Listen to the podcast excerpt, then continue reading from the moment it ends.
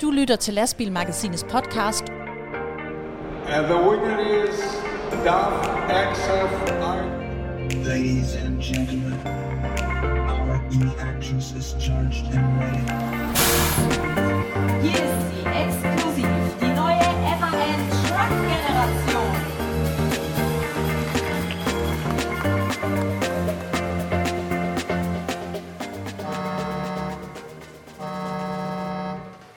Så er vi tilbage med Lastbilmagasinets podcast. Hej Jakob. Hej Rasmus. Ja, vi snakker jo sammen over en, øh, en online forbindelse, men jeg kan Ja. se dig her på skærmen. Så hej, hej med dig. Du holder til i øh, Mediehusets nyeste opfindelse, vores øh, kontor i Aarhus. Ja, det er nemlig rigtigt. Jeg er lidt i tvivl om, jeg egentlig sidder i Holmer, eller om jeg sidder i Viby, eller hvor jeg egentlig sidder hen. Jeg ved bare, at vejen hedder Gunnar Clausens vej, og nu har jeg jo siddet her et par måneder, så, øh, Ja. så en eller anden dag finder jeg jo nok ud af, hvor jeg er henne. Ja, så kommer jeg forbi, så kig ind til Jakob og fortælle en øh, god historie til Lastbilmagasinet. Godt, Jakob. Vi skal samle lidt op på, øh, hvad der er sket i lastbilbranchen her for nylig. Um, hvilke overskrifter har, har fanget dit øje? Øh, helt klart, at øh, politiet nede i øh, Sydøstjyllands politi har slået til mod øh, ulovligt uvil. At Tungvognscenteret Mm. har været en tur på tolvpladsen i Padborg, den berømte og berygtede tolvplads, og de har været nede og skrive intet mindre end 50 udenlandske chauffører for at holde regulært ugehvil ulovligt i lastbilen. Det er jo sådan, at det der regulære ugehvil, det skal altså holdes uden for lastbilen, men øh, man skrev altså natten til mandag den 11. september hele 50 chauffører, man har udstedt bøder for halvanden million kroner, altså halvanden million kroner på en vagt. Det er, øh, Mm. det er super godt gået, og øh, jeg tror, jeg synes, det er en af de første gange, jeg ligesom bider mærke i, øh, at, at, det er det niveau, at øh, der bliver der bliver øh, fanget, fanget folk eller afsløret, Mm. afsløret uvilds svindlere. Ja, Så det er lige det, der først falder mig ind. Ja, ja, halvanden million, så hænger det selvfølgelig sammen med at de her uvildsbøder, som blev strammet for sådan nogle år siden. Altså det giver jo 10.000 til chaufføren, og, og det dobbelte til vognmanden, øhm, som det jo typisk er i de her køretids sager.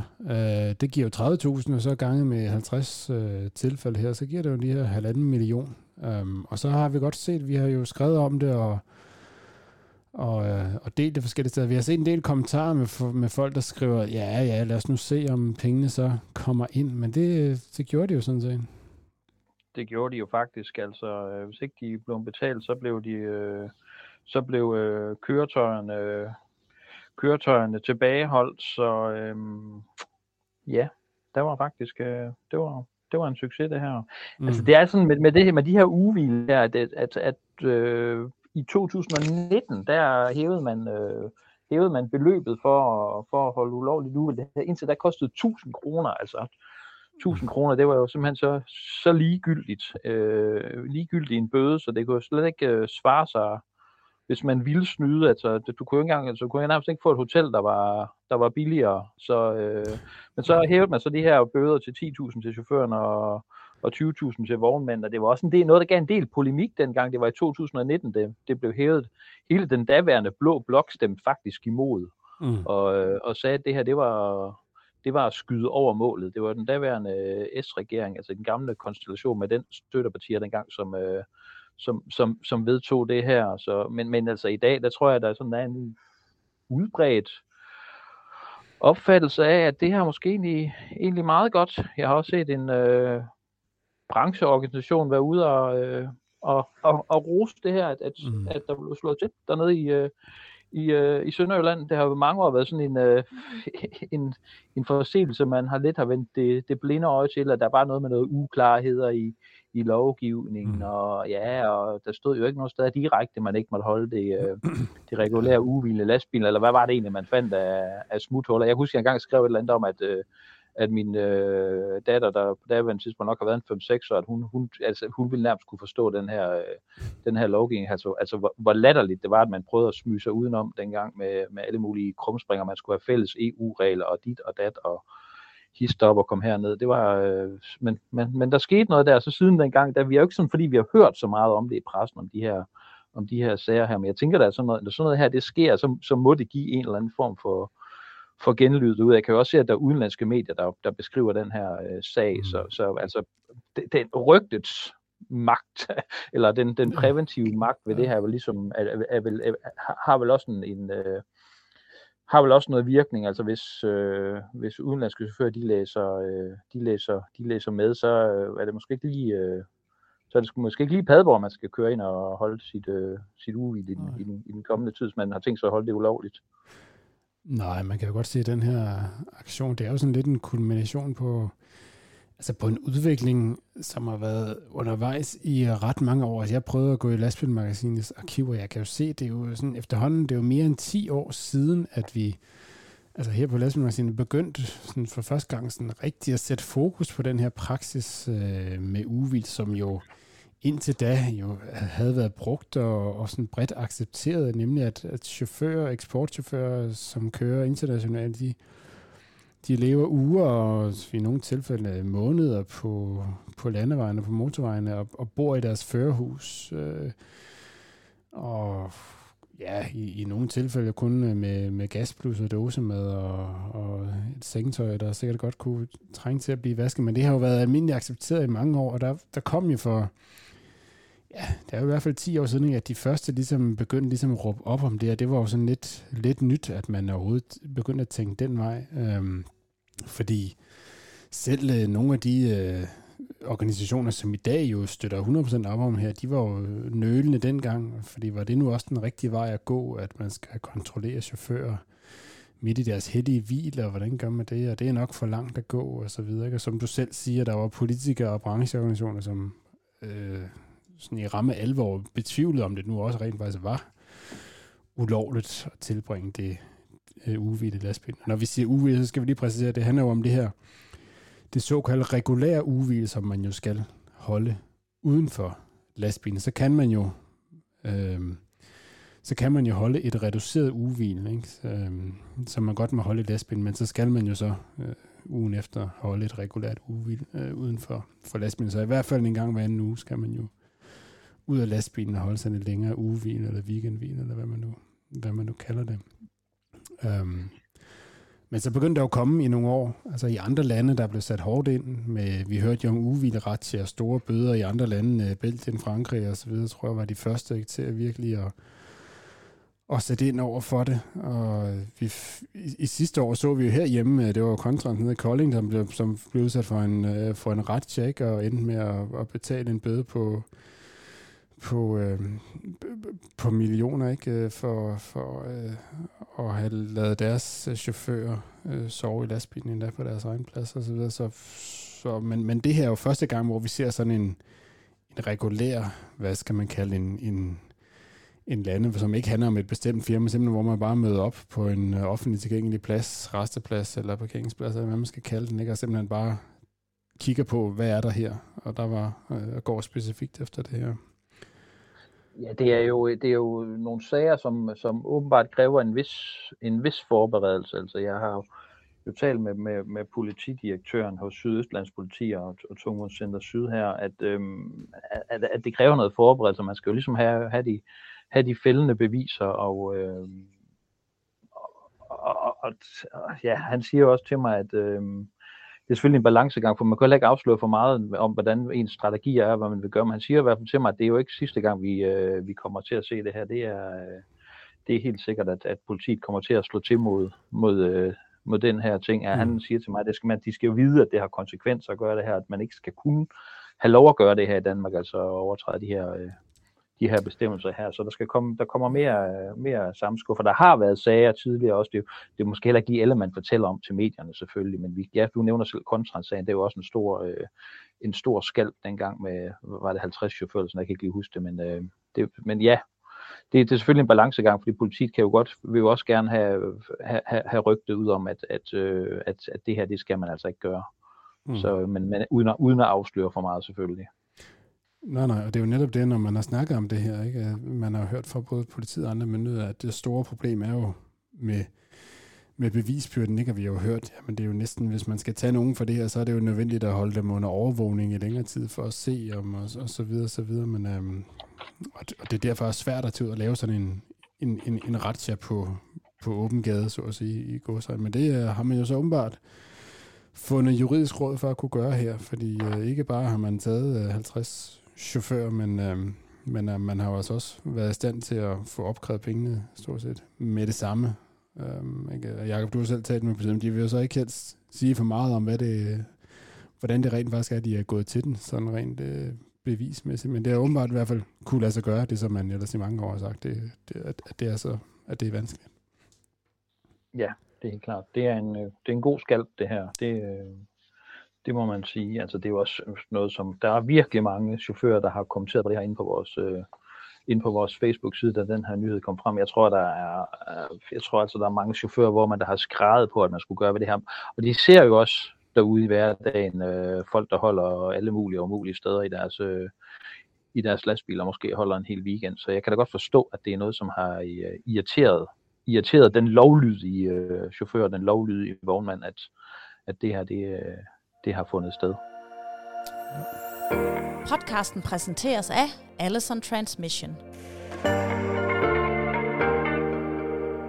Allison Transmission er verdens største producent af fuldautomatiske gearkasser til blandt andet lastbiler. Med en Allison gearkasse er du sikret jævne gearskift, brændstofeffektiv kørsel og optimal chaufførkomfort.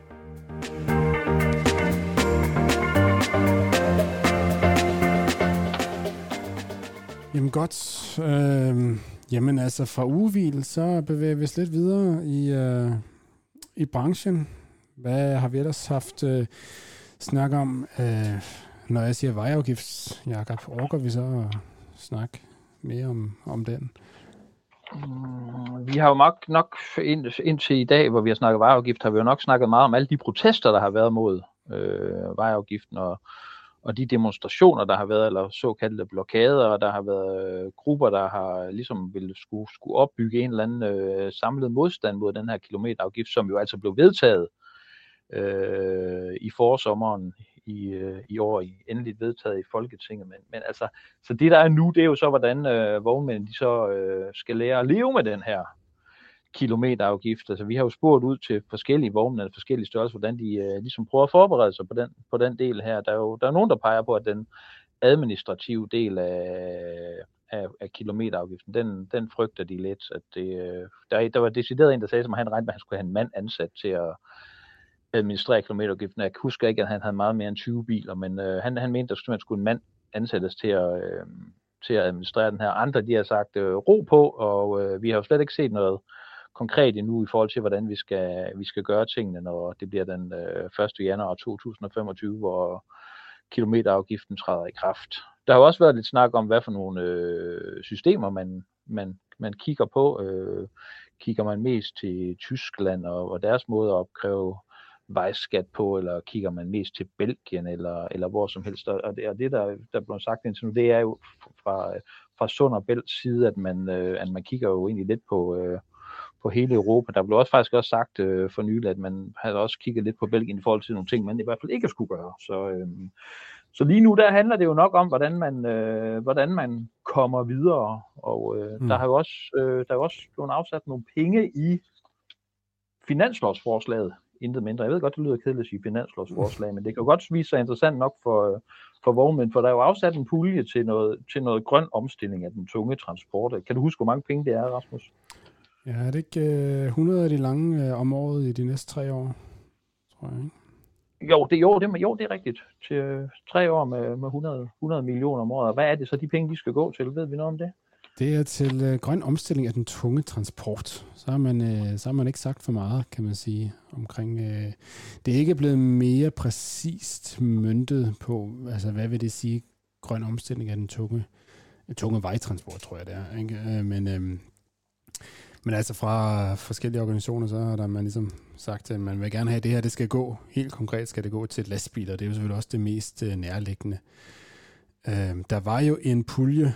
Øh, en, en, pulje øh, tidligere her i, starten af år, eller var det slutningen af sidste år, eller starten af i år, hvor der uh, lige efter hukommelsen, det var lige omkring 50 millioner, 45 eller sådan noget, ikke? Og der jeg tror, der kom... Ja, 45 millioner. 45 millioner, ja. Og der kom jo så, der, var, der kunne man jo så søge om at fordele de her 45 millioner og øh, for at købe en øh, el-lastbil. Øhm, og øh, altså, ja, he, helt oprigtigt var det sådan, at hvis man øh, stod på øh, nippet til at købe en el-lastbil, så kunne man, så frem man, man jo blev, øh, blev, blev udvalgt til at få penge fra den pulje, så ville man få 60% af merudgiften til ellastbilen. Det vil sige, hvis man står og skal købe en eller anden øh, fragt, en fragtbil på el, og den koster, lad os sige, bare for at sige tal, den koster 2 millioner, og så kan man ligesom dokumentere, jamen hvis man skulle have en nogenlunde fuldstændig tilsvarende model på diesel, den vil måske koste 1 million, så vil øh, forskellen jo være, øh, forskellen, merprisen vil jo så være 1 million, der kan man så få 60 procent af den merpris. Det vil sige, at man vil så få 600.000 i tilskud, og så vil man jo så stadigvæk selv skulle finansiere de 400.000 mere pris. Ikke? Men øhm, det var sådan, den pulje var skruet sammen. Det er ikke helt øh, klarlagt, hvordan den her pulje på 100 millioner om året i 2024, 25, 26 bliver, bliver udmyndtet, men øhm, man kan forestille sig, at det bliver lidt i, øhm, i samme boldgade. Og i den der pulje på 55 millioner, der var der mange, der søgte, der var 58, sådan lige, hvis jeg lige freestyler efter min egen hukommelse, 58 øh, lastbiler, som ligesom kom ud af det. Um, så man kan jo godt regne ud, altså 100 millioner, det er jo lige lidt over det dobbelte, så er det vel sådan 100 og... Øh, nu skulle jeg egentlig have lommeregner frem, men det, det bliver vel sådan nogle 120, 30, 40 lastbiler, hvis man, øh, hvis, hvis man siger, at det, det bliver nogenlunde øh, det samme. Øh, man så kan få ud af det el-lastbiler øh, af den pulje om året. Og Det er jo selvfølgelig fint nok, men det er jo ikke, det er jo ikke helt nok til at drive den, øh, den, grønne, den grønne omstilling. Så øh, Ja. Da, da finanslovsforslaget øh, det blev præsenteret i slutningen af august, altså regeringens finanslovsforslag, der sagde øh, direktøren hos DI Transport, øh, Carsten Lauritsen, den tidligere skatteminister, at der var brug for for, øh, der var ikke brug for 100 millioner kroner om året. Det var en god begyndelse, men der er faktisk brug for 1 milliard kroner. Øhm, så øh, og jeg tror, der er andre branchefolk, der har været ude at sige nogenlunde det samme. Mm. Øh, så sent som øh, ja, altså her forleden dag, der var de danske bilimportører ude og sige noget om det her med, med de her millioner kroner. De siger, at, øh, at pengene de bør altså målrettes øh, ellastbilerne. Hvad hedder han? Øh, direktøren hos øh, de danske bilimportører, han hedder øh, Mads Rørvig, han siger, at øh, vi foreslår, at, bil, øh, at, at midlerne skal øremærkes til støtte til investering i nul emissions lastbiler. El-lastbiler er nemlig væsentligt dyrere end lastbiler på fossile drivmidler, og derfor kan tilskud til disse spille en afgørende rolle i den grønne omstilling af tungtransport. Mm. Tilskud til køb af lastbiler er at foretrække frem for støtte til ladeinfrastruktur, da markedet her selv kan bære de nødvendige investeringer. Mm. Ja, det er altså så, øh, det er altså så Mads Rørvig fra de danske bilimportører, der siger det. Og så siger han jo samtidig, at, at den her pulje på 45 kroner, den øh, blev jo eller sidste år blev, blev overtegnet med stor succes, så der er en stor efterspørgsel mm. og potentiale i, i at få noget støtte til omstillingen af, ja. af, af bilparken. Ja, og vi må bare sige, det går jo hurtigt på det her, selvom øh, det kan vi jo selv erfare på vores egen Facebook-side. Er der noget, der kan vække folkets vrede, så er det jo synet af en ellastbil, men øh, det kan vi se i kommentarsporene. men vi må også bare sige, at det går øh, hurtigere, nok også hurtigere, end de fleste havde regnet med. Øh, vi kan bare tage nogle nogle kedelige tal, der bare helt hurtigt. Altså i, Øh, i 2022, altså sidste år, der var 1,8 procent, altså ja, knap 2 procent af alle lastbiler, som blev indregistreret i 2022, de var øh, drevet af el. Mens i, i år, 2023, der ligger det altså på mere end 6 procent. Det betyder selvfølgelig, at den, den kvikke lytter kan rende ud. Så er der selvfølgelig stadigvæk 94 procent, som kører på diesel. Jo, jo, men det går altså trods alt forholdsvis øh, stærkt med at få, med at få nye ellastbiler øhm, på, øhm, på gaden. Øh, og vi skal ikke mere end et år eller halvanden eller to tilbage, så kunne man jo ikke levere en ellastbil herhjemme, uden at, øh, uden at øh, pressen og borgmesteren og den lokale pilgarde kom og, og, og, og, og gav et nummer, mens i dag, der sker det jo, det sker jo hver dag, sådan rent statistisk, at der bliver leveret ellastbiler herhjemme. Så det går jo det går hurtigt, må man sige. Præcis. Podcasten præsenteres af Allison Transmission. Allison Transmission er verdens største producent af fuldautomatiske gearkasser til blandt andet lastbiler. Med en Allison gearkasse er du sikret jævne gearskift, brændstofeffektiv kørsel og optimal chaufførkomfort.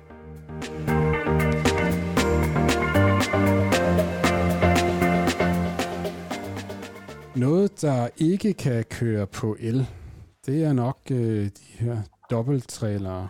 I hvert fald ikke lige med det første. Og øh, det er noget af det, vi får se på de danske veje allerede fra, øh, fra efter nytår. Fordi øh, ja, øh, langt om længe så er den her forsøgsordning øh, klar til at træde i kraft for, for dobbelttrailere herhjemme, og det bliver så på en øh, afgrænset strækning mellem øh, Aarhus og Tostrup, hvor der altså bliver givet los for de her dobbelttræler vogntog, som sådan helt, øh, helt groft sagt jo er en trækker med en almindelig standardtræler bagefter, og en trailer mere bagefter, altså ved hjælp af sådan en, en, en dolly, så kan man sætte endnu en trailer på. Øhm, og de skal få så i første omgang lov til at køre på motorvejsnettet mellem Aarhus og Tostrup. Så er der noget snak om fra ministerens side. Man vil gerne lige se, om man ikke lige kan inden det træder kraft, lige få det forlænget, så man kan køre helt ud til, til Øresund, fordi så kan man jo sådan set, øh, de har noget tilsvarende i gang i, i Sverige, så vil man kunne køre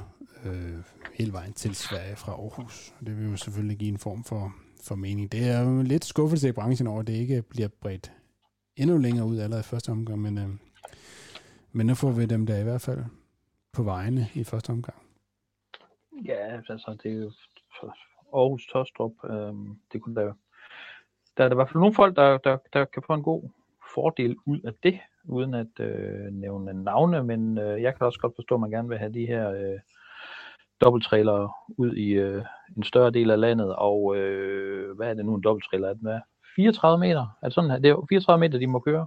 Ja, det med. tror jeg, det endte på 34 meter. Der var lidt øh, snak ja. om, det skulle være 32 eller 34 meter, men man vil jo, branchen vil øh, gerne have det op på 34 meter. Det er noget med, at så kan man, øh, så kan man have sådan en medbringer på, et eller andet. Det var i hvert fald vigtigt, at man lige fik den op på 34 meter, og det har man så, fordi det har man nemlig også i Sverige er i gang med et noget større forsøg, øh, eller ordning med de her øh, vogntog. Der er det netop 34 meter, så for at det ligesom kan spille sammen. Så, øh, men de er så også på 34 meter. Til gengæld så er det, så vidt jeg ved, stadigvæk kun lagt op til, at det gælder for 70 tons totalvægt i Danmark, mens jeg mener, at i Sverige så er det 74 ton, og det er selvfølgelig også en knast, som øh, skuer lidt i branchens øjne indtil videre. Men øh, vi må jo øh, se, hvordan det helt præcist øh, lander. Indtil videre så ser det i hvert fald ud til, at det, at det, det kommer efter, efter nytår, og der skal lige øh, etableres, tilrettes noget infrastruktur i begge ender for forsøget, sådan så der ligesom er, er nogle pladser, hvor de her øh, ekstra lange vogntog, de kan, de kan koble om og til og fra og så videre. Det, det kræver selvfølgelig lige lidt mere end et, øh, end et almindeligt vogntog. Ja, og det er jo sådan, at det her forsøg med de her dobbelttrailer, det skal, det skal løbe i fem år, hvor efter det, det evalueres. Altså de her forsøgsordninger, jeg, som jeg husker det, så det her modulvogntogsordning er også en forsøgsordning fra 2008. Er det, er det ikke stadigvæk en forsøgsordning, eller, eller hvordan er nu det er med det? Jo, jo, jo. Øh, det er stadigvæk en forsøgsordning frem til 2030 indtil videre, men der er jo ikke rigtig nogen, der forestiller sig, at det så pludselig ikke, at forsøget pludselig bliver droppet. Øh, jeg tror, det var sådan lidt noget politisk, at man kaldte det et forsøg for, for at undgå for meget øh, modstand fra noget fra noget venstrefløj og nogle andre, som, som kunne være imod den slags, så, så sagde man, at øh, så legede man, at det kun var et forsøg, øh, som så bare bliver, blev forlænget flere gange, og teoretisk set, øh, så vidt jeg ved, så er der stadigvæk et forsøg frem til 2030, men øh, må ikke det får lov at køre endnu længere end det. Jo, og der arbejdes jo lige nu på at lave nogle samarbejdsaftaler med, med vores nabolande om, omkring den her grænsekrydsende kørsel med, med de her dobbelttræler, så ja, så for eksempel øh, svenske dobbelttrailer kan køre videre på de danske veje, uden at skulle omlaste, omlaste inden grænsen krydses og, og, og den anden vej. Altså Thomas Danielsen var ude at sige her for nylig, at han forventer i første omgang at søge en aftale med sin svenske transportminister kollega for at få lavet en udvidelse til Malmø, så man kan køre til øh, Sverige og videre op til Finland. Så øh, Mm. ja, der arbejdes i kulissen på nogle, på nogle udvidelser.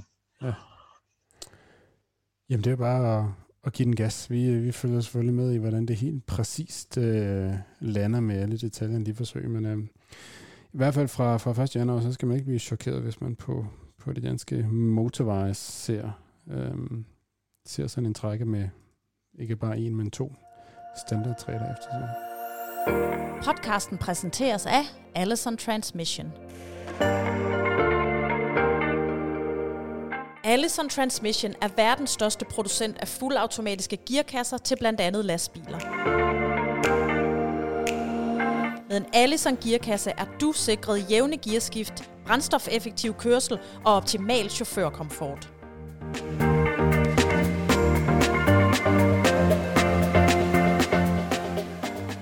Og hvad har vi, øh, ja, hvad er der ellers sket i branchen? Øh, der er jo som altid fuld fart på, øh, på nyhederne inden for, hvad skal man sige, nye drivliner, nye, øh, ny teknik.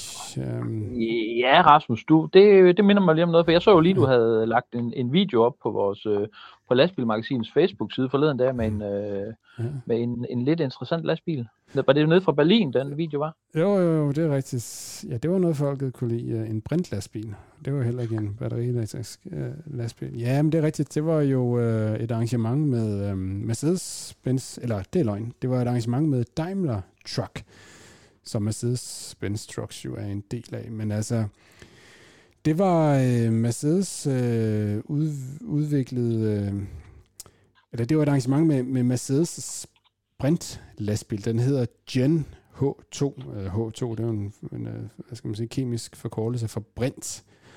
Og det er en øh, prototype, som øh, Mercedes jo har udviklet på i nogle år, og øh, den øh, skulle nu virkelig stå sin første store prøve, så den kørte fra fabrikken i Wörth i det sydvestlige Tyskland, og så kørte den sådan en, øh, en omvej mod Berlin, sådan op igennem Tyskland, øh, omkring Hamburg og lidt andre byer, og så med så måldestination i Berlin. Og målet var ligesom at vise, at man kan køre med en fuldt læsset brintlastbil øh, på mere end, i mere end 1000 km på en optankning.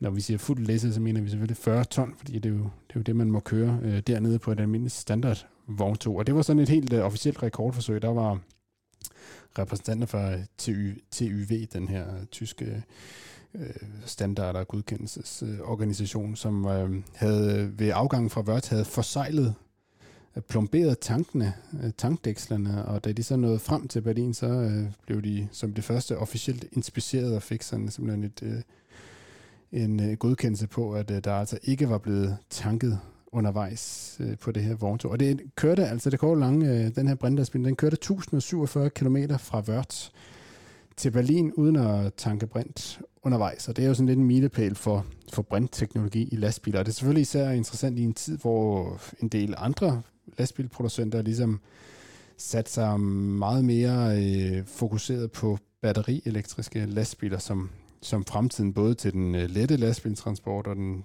tunge, øh, tunge fjerntransport. Og der har Mercedes jo et andet syn på det. De øh, udvikler også batterielektriske lastbiler, men satser altså også stort på, at brintlastbiler skal få en, en rolle i fremtidens transport. Så der var det jo et interessant input øh, i den, øh, i hele det emne om, hvad vej den tunge transport skal fremover. Jeg synes, at, at, at det er noget, jeg hører gang på gang, øh, når jeg taler med vognmænd, så siger de, de tror ikke så meget på el. De mener, at øh, derimod, at brint er fremtiden for, øh, for lastbilerne. Er det, ikke også, er det ikke også det, du hørte ud, Rasmus?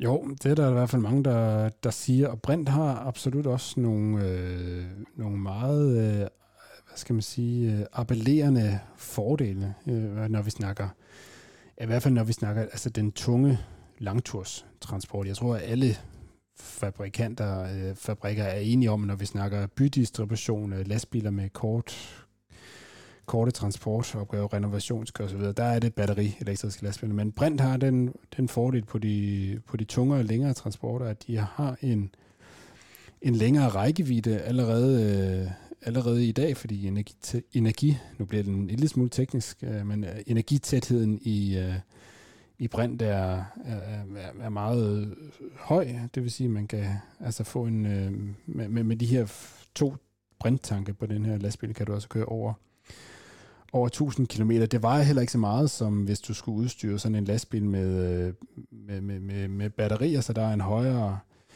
der er en højere nyttelast, og desuden så når du skal tanke op, hvad du så ikke skal lige så tit som på en batterilastbil, men når du skal, så tager det heller ikke øh, ret lang tid. Det tager stort set ligesom at tanke en, uh, tanke en, en dieseltank op, måske lidt mere, men, men det er ikke det der med, at du skal holde i, uh, i, i, i op til timevis for at, få, for at få lavet op. Så der har Brint jo absolut nogle uh, spændende uh, fordele der.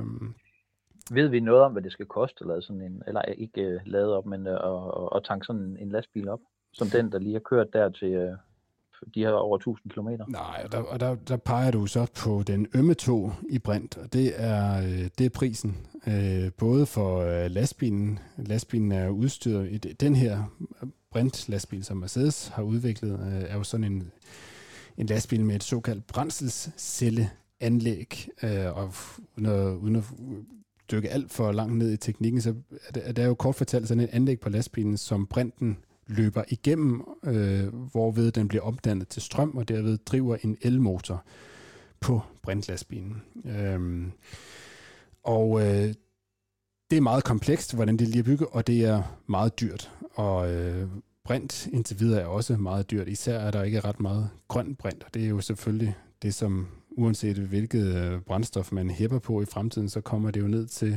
jamen, er det, er det grønt, eller er det ikke grønt? Og der er ikke så meget grønt brint der. Det er selvfølgelig også noget af det, man arbejder på. Hvordan kan man, hvordan kan man øh, udvikle og producere mere grønt brint i fremtiden til at dække behovet, så det her både bliver en, øh, både bliver en økonomisk og en øh, klimamæssig øh, god case øh, brint, og der er forskellige projekter, og der er mange projekter i gang for, for at løse det, men øh, og så er der selvfølgelig også selve infrastrukturen, øh, som jo ikke rigtig er eksisterende i dag. Det er den selvfølgelig heller ikke rigtig til, til, øh, til el, men, men dog er den begyndt at pible frem på el, og det er lidt nemmere at etablere en ladestation hjemme på, på sin egen matrikel, end det er at etablere en brinttankstation. Så på den måde er det lidt mere kompliceret at få bygget det her brint op. op. Så det er helt klart øh, pris og infrastruktur og, øh, og det, at der skal være nok grøn brint, det er selvfølgelig den store udfordring for, for brint. Nu har vi lige nævnt fordelene, men der er selvfølgelig også nogle, nogle, nogle, øh,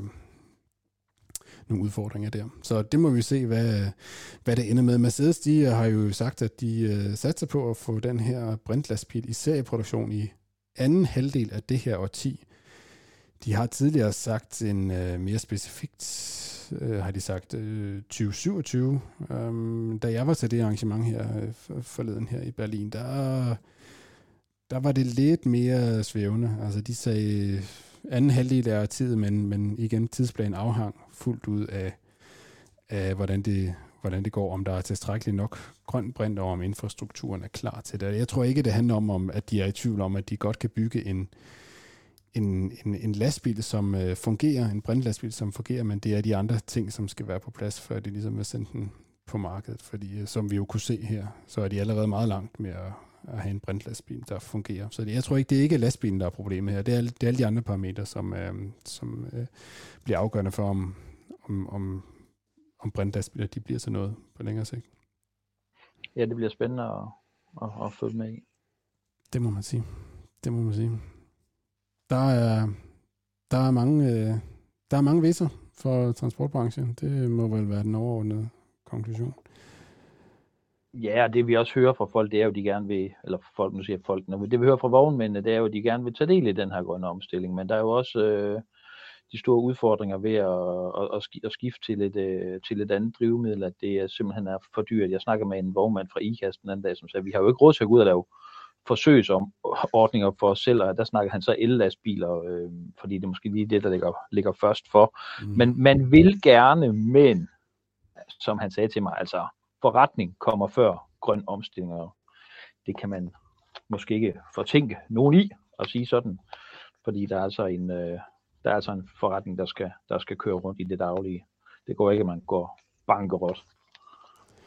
Nej, det, det gør det jo selvfølgelig. Så det skal jo, det skal jo komme, øh, det skal jo komme enten fra, fra lovgivning eller fra pres fra transportkøbere, øh, som stiller krav til det. Og det der er sikkert mange transportkøbere, som gerne vil have grøn transport, men øh, de skal også være villige til at betale for det. Og der, der kniver det jo stadig noget, må man sige. Så øh, ja, det er, jo, det er jo i høj grad der, den ligger stadigvæk. Ja, det er jo nok nødt til at erkende, at det spørgsmål er, om, om kunderne, vil, kunderne vil betale mere for, for transporten, end de gør i dag. Vi, øh, jeg hørte i hvert fald, at der er nogle steder inden for det offentlige, hvor man ikke er interesseret i at betale mere for en grøn transport. Nej. Ja, det, det, det lyder det meget bredt fra. Det er sådan set de værste. Det er de værste kunder. Det er, det er, det er de offentlige. Yes. Nå, Jakob. Øhm, er der mere på falderæbet? Vi skal have, vi skal have vendt fra transportens verden. Nej, jeg synes ikke lige nu. Måske vi bare skal sige, at vi, øh, at vi høres ved. Ja. Og sige tak for, tak for den her runde her.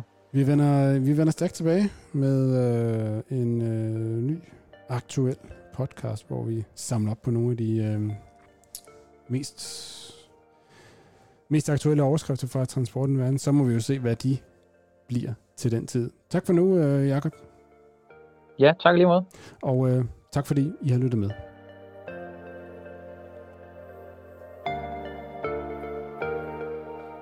Du har lyttet til Lastbilmagasinets podcast